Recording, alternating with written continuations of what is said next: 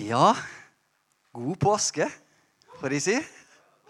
Håper du har hatt det fint. Kanskje fått hvilt litt. Ehm, det er jo sånn Hverdagen den kan både være travel og den kan være hektisk.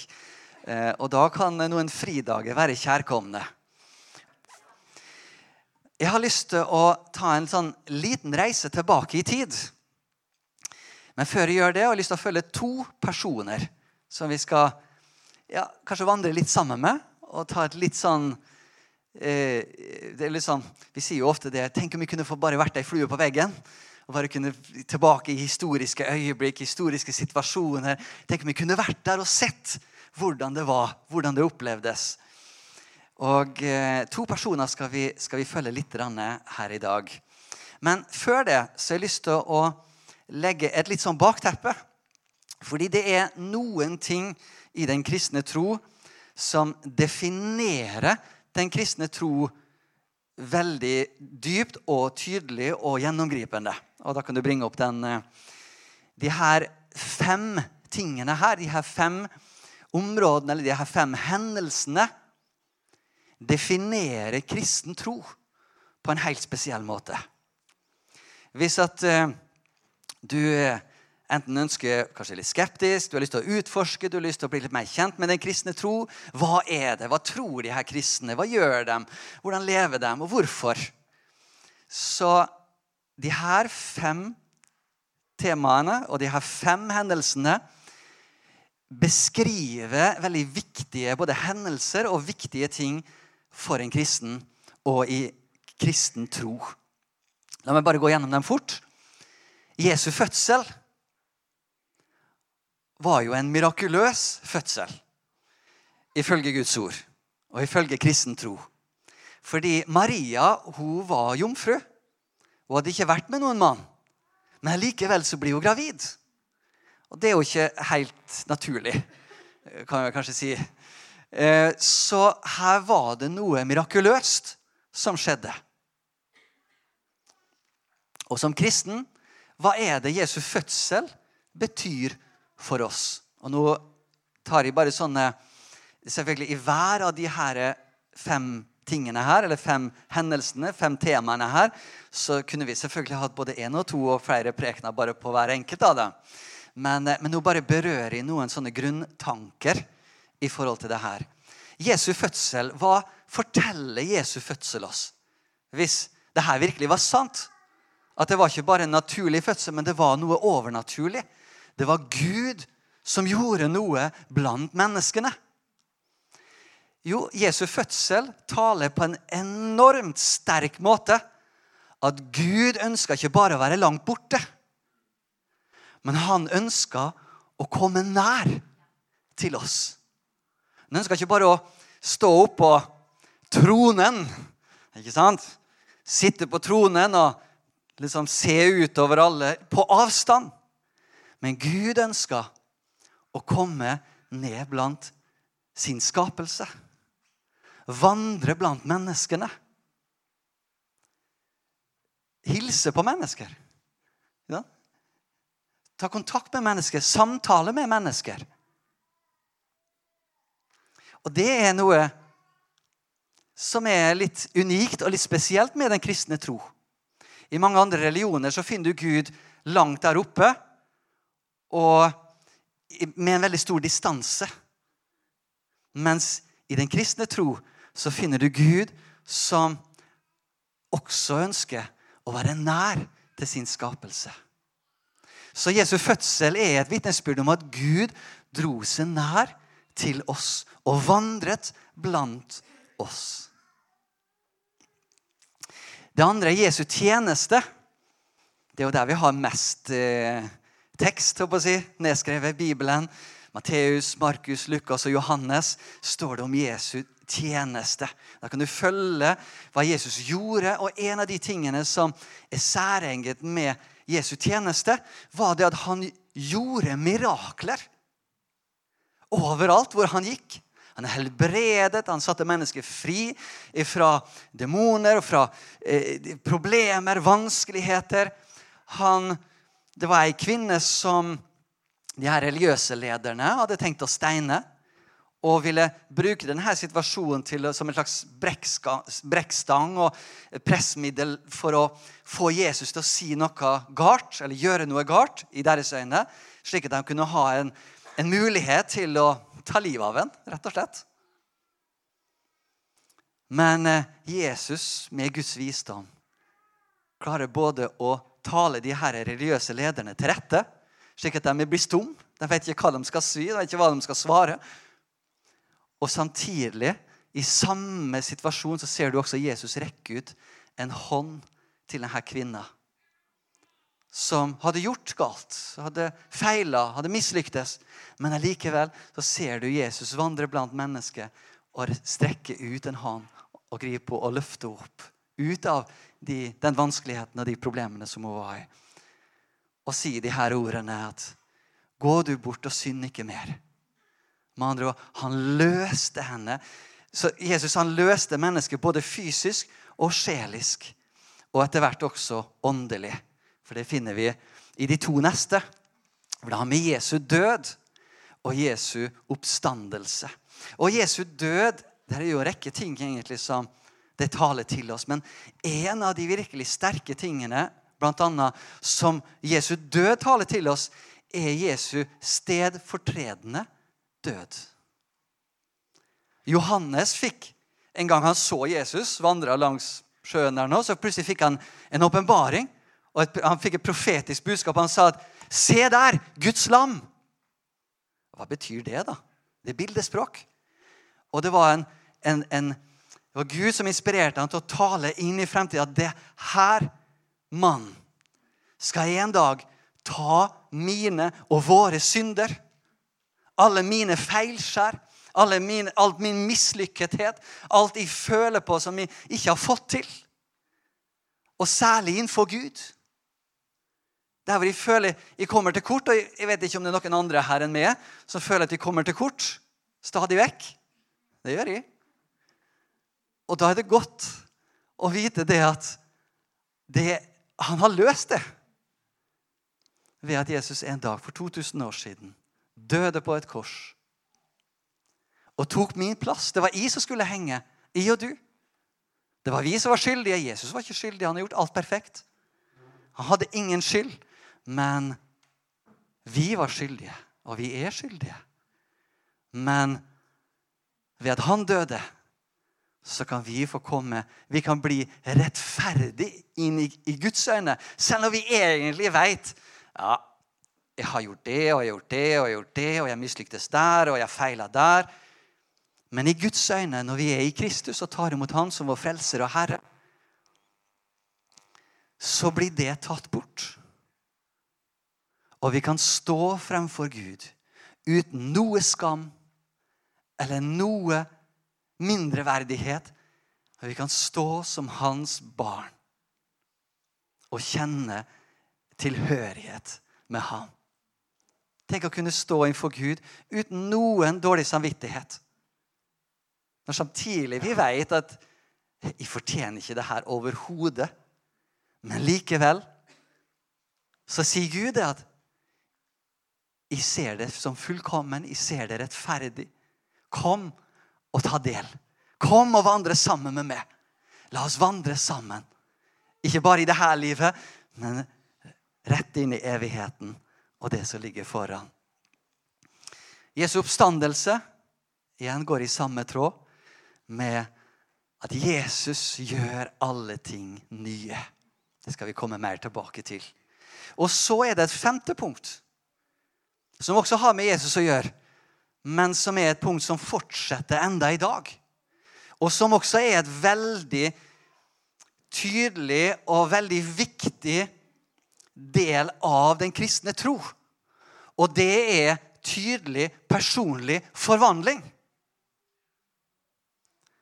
Hvordan vet vi at en person har blitt og Vi har flere ord på det. Bibelen bruker forskjellige ord på det her indre miraklet som skjer med et menneske. Noen plasser så Jesus sier bl.a. at mennesket må bli født på ny. En, et bildespråk, en beskrivelse. Eh, annet ord som brukes i Bibelen, det er med ordet frelse. Vi trenger å bli frelst også. Tale om det her miraklet som kan skje med et menneske på innsida når Gud får gjøre sitt verk i oss, og vi tar imot ham og sier det at 'jeg vil følge det for resten av mitt liv'. En annen eh, beskrivelse også som står i Nytestamentet, er om det å gå fra, lys, gå fra mørke til lys. Eller gå fra død til liv. Og det er en rekke andre bildespråk som Bibelen bruker for å prøve å beskrive det her miraklet som skjer når et menneske blir født på ny. Når det skjer et mirakel her på innsida, hvor at fra å ha vært sånn, så har du Neste øyeblikk så er du en helt ny person. En forvandling fra innsiden. Og det her er litt fascinerende, for skeptikere har, har forskjellige eh, tanker og refleksjoner i forhold til at F.eks. oppstandelsen. Det er for godt til å være sant. Og du vet noe, litt sånn, En sånn tommelregel, som for så vidt ikke er så dum, egentlig. Eh, når du får e-poster om at du har vunnet en million kroner, eller det er bare å trykke den linken her, så, og så videre. ikke sant? Eh, når det er for godt til å være sant, så er det som regel det. Er du ikke enig i det? Det bør i hvert fall være en, en, en god anledning til å Eh, la meg sjekke det her litt nærmere først. Jeg har fått mange sånne e-poster. Og litt sånn, og jeg trykker ikke på den linken før jeg blant annet har sjekka litt. Hvis jeg skulle være nysgjerrig på det. Eh, og bare som et lite sånn, sånn ekstra, ekstra, bonus her nå Hvis du får en sånn e-post, og du lurer på er det her ekte eller er det ikke ekte, så gå opp i e-postsenderen og så les hva e-postadressa til senderen er. For det kan se ut som Elkjøp, og det kan være så bra designa osv. Men går du opp på e-postsenderen og les e-postadressa, så vil du finne mange rare e-postadressenavn. Og da vet du det her er muffens. Det her stemmer ikke. Men er det fra Elkjøp, ja, ja, da kan jeg kanskje ta en telefon og ringe. og du, har fått en e-post her. Sjekke det nærmere. Så det er ikke noe galt i å sjekke ting nærmere. Faktisk, Den ene personen vi skal se på her, gjorde faktisk det. Og, eh, og eh, Men jeg bare sier det her først. At en av de tingene som skeptikere har annet kommet med og, og sagt at det her Kan det være at de løy, rett og slett? Og Det er en rekke forskjellige alternative påstander til Jesu oppstandelse. En av dem er det at apostlene løy. Men en interessant refleksjon rundt nettopp akkurat det. For det kan jo være. Kan de gjorde det? Vi var ikke der. Vi var ikke en del av den gjengen. Så hva leder oss til å tenke og reflektere at nei, det får ikke til å stemme? En av tingene er det at hvem dør, er villig til å dø og lide ufattelige forfølgelse og smerte for noe de veit ikke er sant. Én ting er hvis du ikke vet at eh, du har blitt lurt, og du tror at løgna er sannhet. Det er en annen ting. Men når du veit at noe er en løgn, og du har vært med på å fabrikkere den, så, så kommer det til et visst punkt hvor at nei, vet du, det her ble for dårlig.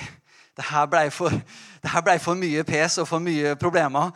Nei, vet du hva? Det her var ikke noen god idé. Eh, men hvis du virkelig har opplevd en dyptgående forvandling som har vært ekte, og som har vært så kraftfull i ditt liv at du er villig til å dø for den, da peker det i den retningen av at her har det skjedd noe reelt. Så så la oss ta en liten kikk på den første personen her. Gå til Johannes kapittel ehm, eh, Vi kan gå til kapittel 20. Og skal vi vandre litt sammen med Thomas.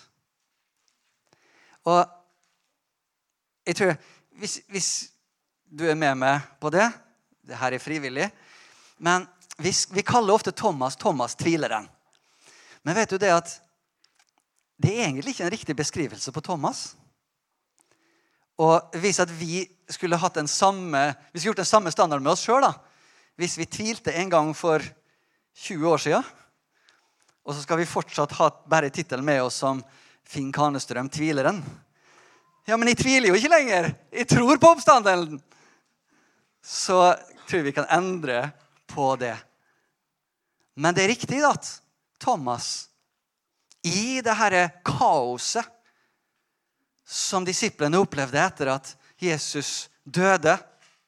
Og så begynner det å komme rykter om at han har stått opp igjen. For alle disse tingene var jo skjult for dem. Selv om Jesus hadde sagt det igjen og igjen, så var det dekket over de her tingene. I Johannes kapittel 20, vers 24 så står det Thomas, en av de tolv, han som ble kalt Tvillingen, var ikke sammen Eh, med de andre disiplene da Jesus kom. 'Vi har sett Herren', sa de til ham. Men han sa, 'Dersom jeg ikke får se naglemerkene i hendene hans' 'og får legge fingeren i dem' 'og stikke hånden i siden hans, kan jeg ikke tro.' Åtte dager senere var disiplene igjen samlet, og Thomas var sammen med dem.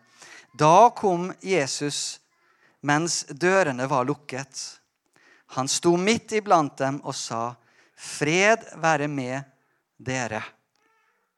Så sier han til Thomas, 'Kom med fingeren din. Se her er hendene mine.' 'Kom med hånden og stikk den i siden min.' 'Og vær ikke vantro, men troende.' 'Min Herre og min Gud', sa Thomas. Jesus sier til ham, 'Fordi du har sett meg, tror du.' 'Salig er de som ikke ser, og likevel tror.' Her taler det jo mot oss. Vi har ikke regnet med at ikke så mange av oss, kanskje ingen av oss, har sett Jesus sånn, enten fysisk eller hatt en visjon. eller eh, Iallfall ikke det. Men jeg tror likevel på Jesus. Og hvorfor?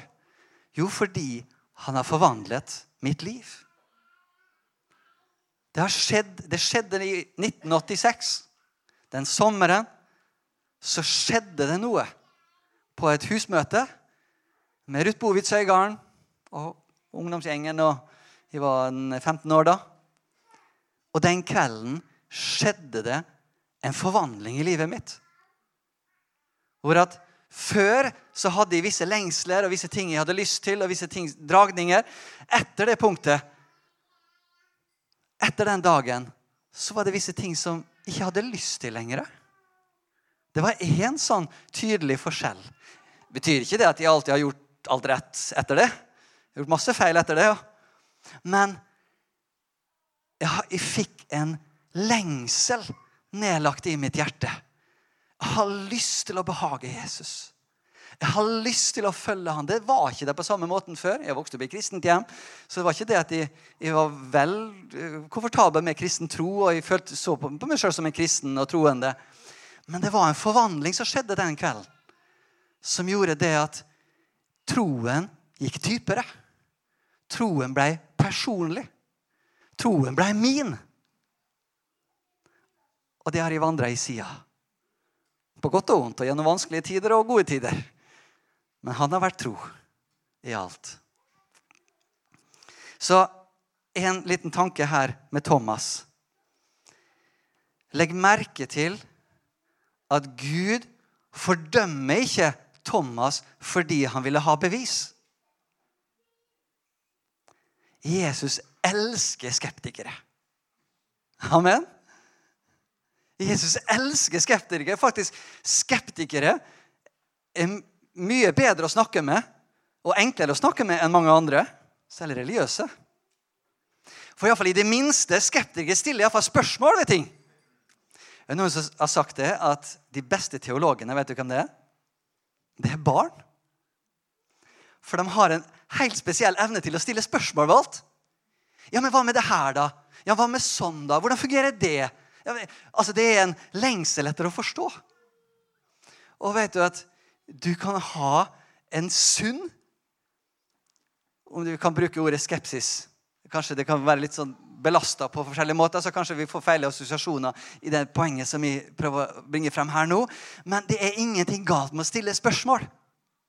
Du kan stille spørsmål av et ærlig og oppriktig hjerte. Fordi du har lyst til å vite. Du har lyst til å lære. Du har lyst til å gå dypere. Og det er en type tilnærming som Jesus elsker. Og legg merke til Når Jesus kom her, og Thomas var der nå, det første Jesus gjør, er å si Thomas, kom! Kom og se! Kom og kjenn! Kom og se! Tre personer, veldig kjente trosforsvarere. Um, ene heter Lee Strobel. Andre heter Josh McDowell. Og den tredje heter uh, Warner Wallace. Den første var en journalist. Den andre var uh, jurist og hadde tenkt å gå inn i politikken. Den tredje var politietterforsker. Dette er kjente personer innen trosforsvar og står for å forsvare den kristne tro. Historien deres, hvordan de kom til tro, var gjennom at de alle tre var skeptikere. Og på et eller annet tidspunkt i alle de her tre sine liv og sin vandring så på et eller annet tidspunkt så bestemte de seg for De var ateister. Josh McDowell var uh, en agnostiker. Kanskje Gud er der nå, men vi har ingen mulighet til å vite om det eller ikke. Det er en agnostiker. Og så på et eller annet tidspunkt, De alle tre bestemte seg på et tidspunkt og sa at nei, vet du, nå skal jeg ta, virkelig gå i dybden på det her med bl.a. Jesu oppstandelse og de her sannhetspåstandene som den kristne tro kommer med. Og jeg skal bevise det feil. Alle tre hadde det som motivasjon og intensjon. Og de alle tre, Desto mer de gravde seg ned i det, desto mer kom de frem til at det her må være sant. Og Det fins bøker hvor de forteller om den reisa de hadde frem dit. Veldig fascinerende. Så det å ta de her sannhetspåstandene på alvor og utforske dem, det vil styrke troa di.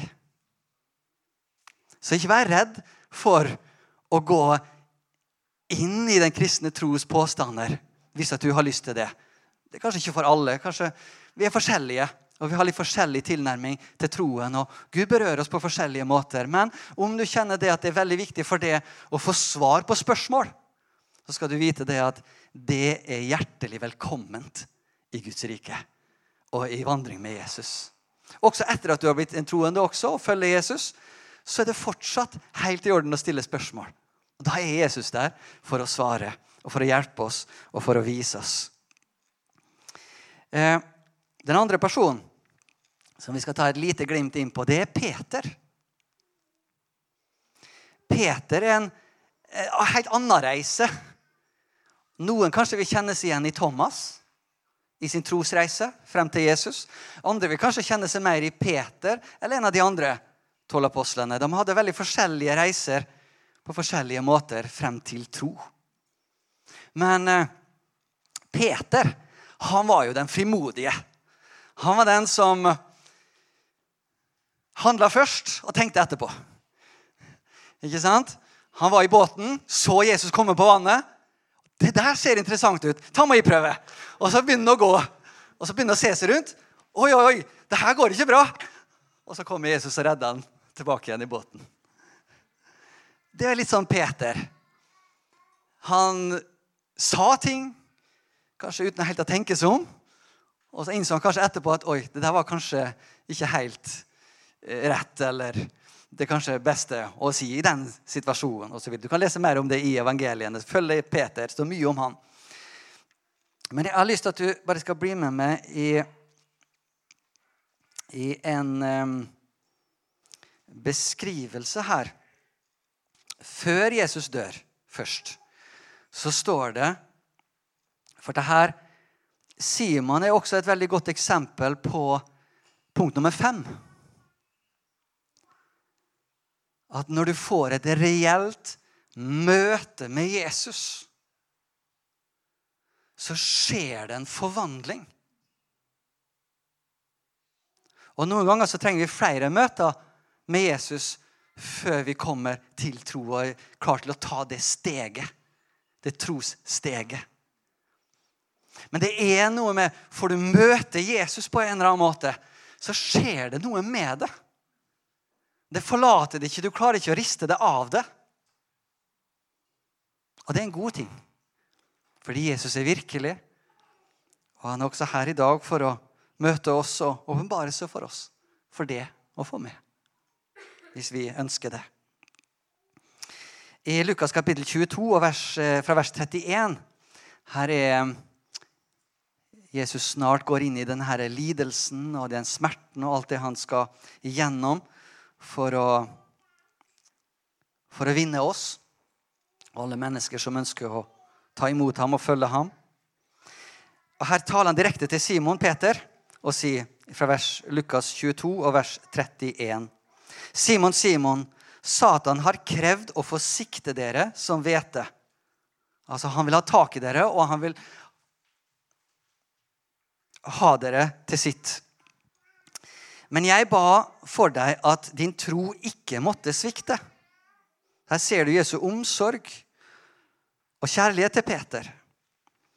Og når du en gang vender om, da styrk dine brødre. Legg merke til tonen og hvordan Jesus sier det. Han sier at 'jeg har bedt for deg at skal, din tro ikke skal svikte'. Og legg merke til hva Jesus sier neste. Og når Ikke hvis. Og når du vender om. Jesus taler profetisk inn i hans fremtid. Jesus så nok også, men allikevel ser du at Jesus taler tro inn i situasjonen. Jesus har bedt, og nå tror han det han har bedt, skal han nå få. Når du vender om, styrk dine brødre. Og Så kan du fortsette å lese om Peter. Den ufattelige, smertefulle veien som han måtte gå. Han elska Jesus av hele sitt hjerte, men likevel endte med å gjøre noe som ikke bare såra Jesus, men også såra han sjøl. Tydelig så ble han så skuffa over seg sjøl at han visste ikke helt hvordan han skulle gjøre av seg. Men legg merke til Jesus sier det at når du vender om, selv i våre nederlag, selv i våre feil, så taler Gud gode ord over oss.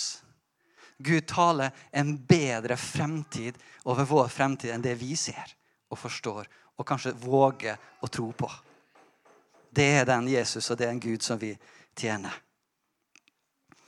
Og så har jeg lyst til at du blir med til um, Skal vi se Det er altså Lukas eh, kapittel 24. Og i det verset som vi leste da her nå eh, helt til begynnelsen, hvor de kom til graven, og Jesus var borte. Han var oppstått. Og så fra vers 10 der nå, eh, Lukas 24, og fra vers 10 jeg leser bare slutten av det som vi leste i stad.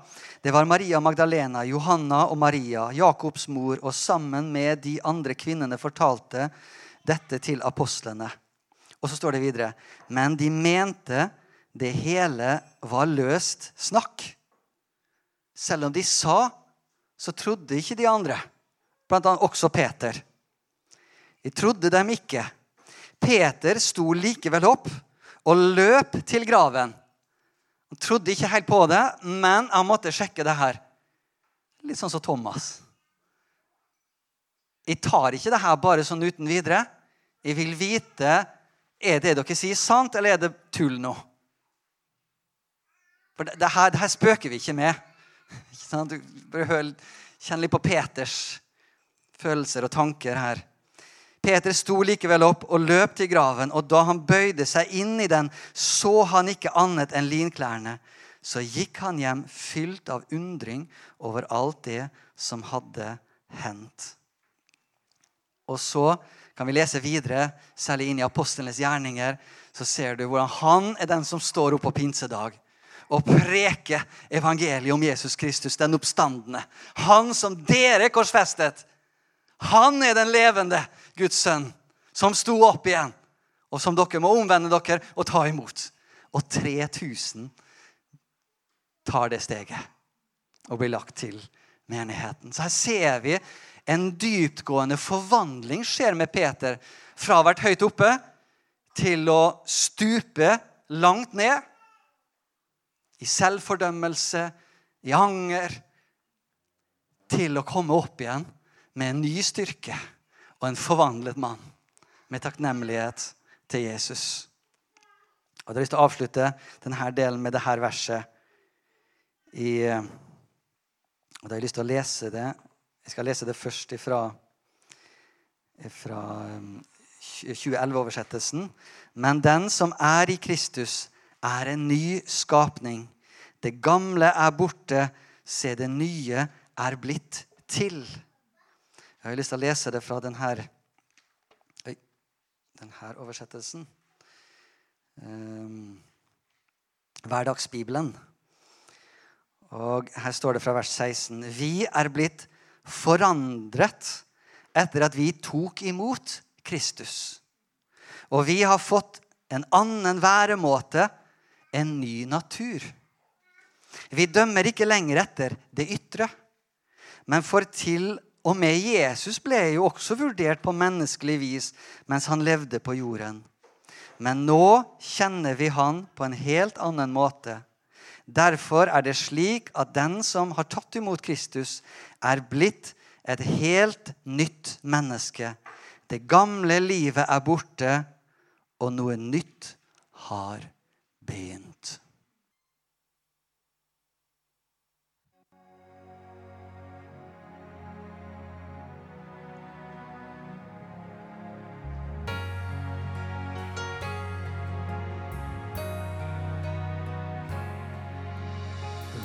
Ago he blessed the earth, born older than the years.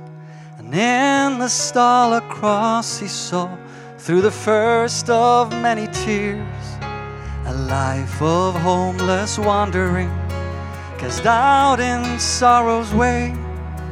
The shepherd seeking for the lost, his life the price he paid.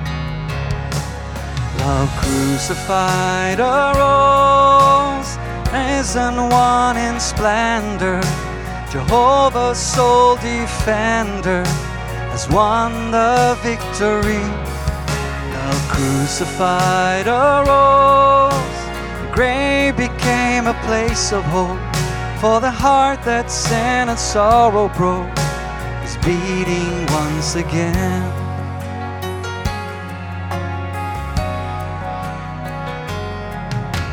Throughout your life, you felt the weight of what you'd come to give. To drink for us that crimson cup, so that we might really live. At last, the time to love and die, the dark appointed day, that one forsaken moment when your father turned his face away. Love crucified arose, the one who lived and died for me was Satan's near pierced casualty. Now he's breathing once again. Love crucified arose, and the grave became a place of hope for the heart that sin and sorrow broke. Is beating once again. Love crucified arose, risen one in splendor. Jehovah's sole defender has won the victory. Love crucified arose, and the grave became a place of hope for the heart that sin and sorrow broke is beating once again.